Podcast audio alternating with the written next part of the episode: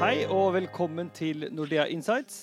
Det er en del usikkerhet i markedet om dagen, og det går jo litt sånn opp og ned nesten daglig, skal vi si. Men eh, hva er egentlig ståa? Det skal vi prøve å finne ut. Velkommen til deg, sjefstrateg Erik Bruse. Takk skal du ha. Og jeg heter Per Arne Gedde Lium. Erik, hvordan er stemninga i markedet akkurat nå? Ja, stemningen er jo eh, ganske positiv. Eh, aksjemarkedene går bra.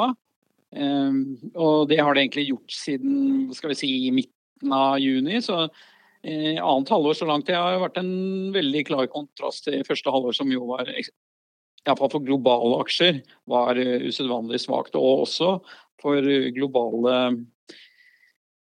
og også norske eh, obligasjonsfond som gjorde det veldig dårlig pga. at rentene steg mye. Så, så eh, bildet er mye mer positivt helt klart eh, i, i, markedet nå og i, så langt i, i antall år. Men vi har fremdeles krig i Ukraina, har fremdeles høy inflasjon, rente på vei opp. Har stemninga stund liksom litt på tross eh, av alt her?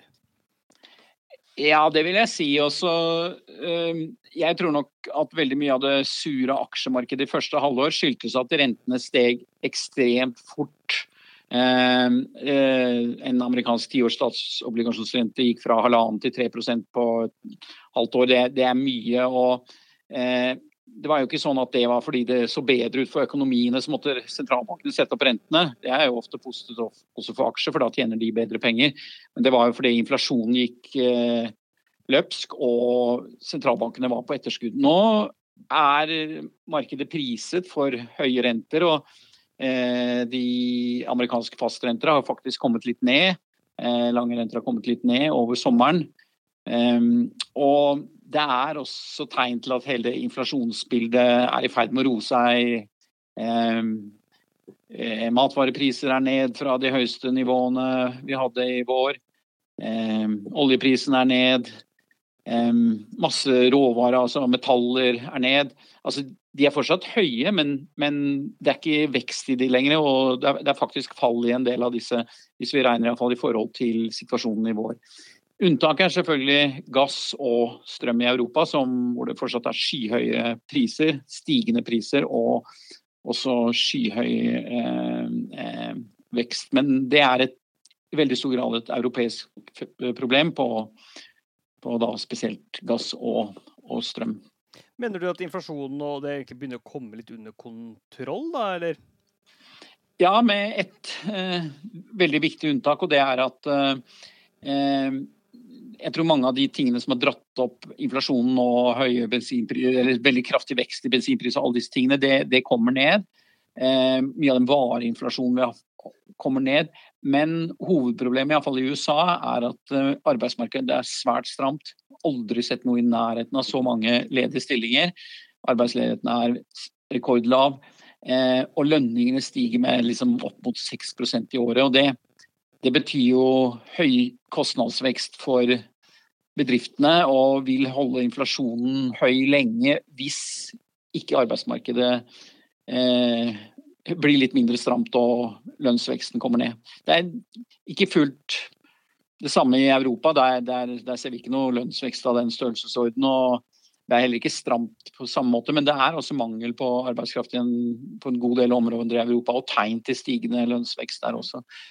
Så, så, det er ikke sånn at sentralbankene er ferdige eller kan uh, gi seg nå. De, de, de, de, må få ned veksten i etterspørsel, sånn at uh, arbeidsmarkedet blir iallfall mindre, ja, mindre stramt, vil jeg si.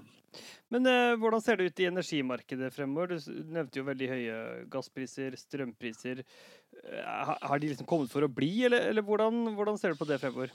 Nei, eh, de ekstreme gassprisene og til dels altså strømprisene i Europa, de, det vil jo komme ned. Eh, Europa er jo nå eh, arbeider veldig hardt for å gjøre seg mest mulig uavhengig av russisk gass, men russisk gass er strupet mye.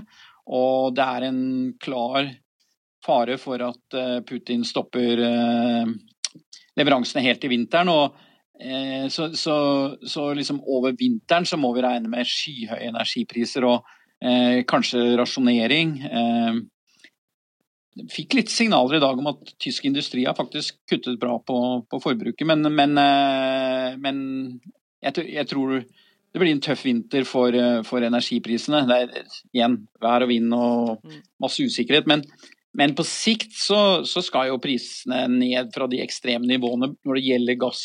Eh, eh, da må vi regne med at de greier å gjøre seg mer uavhengig av russisk gass. Eh, og at kanskje den til og med kommer tilbake. Hva, hva, hva vet vi. Men for olje så er jo bildet ikke det samme. Der har jo oljeprisen kommet ned fra toppene Eh, vi hadde i våres. Eh, og det er jo viktig for resten av verden. og eh, der jeg tror nok ikke prisen skal falle mye mer. Det er fortsatt et stramt marked. Og, og, men det kommer an på hvor, hvor, svak veksten i økonomiene blir.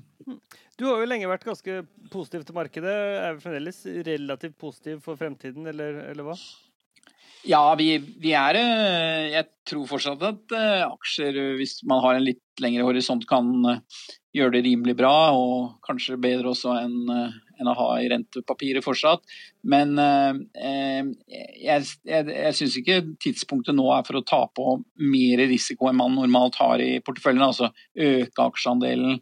Eh, det er veldig mye usikkerhet der. Eh, som jeg sa, liksom Hvis ikke verden går på en sånn ordentlig hard nedtur, men bare for en trenger ikke nødvendigvis mye klaning, men liksom bare forsiktig nedtur, så, så, tror jeg det i stor grad er priset inn. og Da, da kan aksjemark greie seg sånn rimelig bra, men, eh, men, det er jo risiko her for at man ikke får kontroll over inflasjonen, arbeidsmarkedet forblir stramt, og at man må ta i hardt, og at det blir en hard nedtur. Så, så bildet er, eh, har liksom gradvis blitt mer usikkert. Og, og, så selv om stemningen i markedet er eh, er positivt for øyeblikket, så, så, så vil jeg ikke liksom gått inn med alt i aksjer for øyeblikket. Jeg sier ikke at man skal ta det ned, eller, det, det, men en sånn normal, forsiktig posisjonering.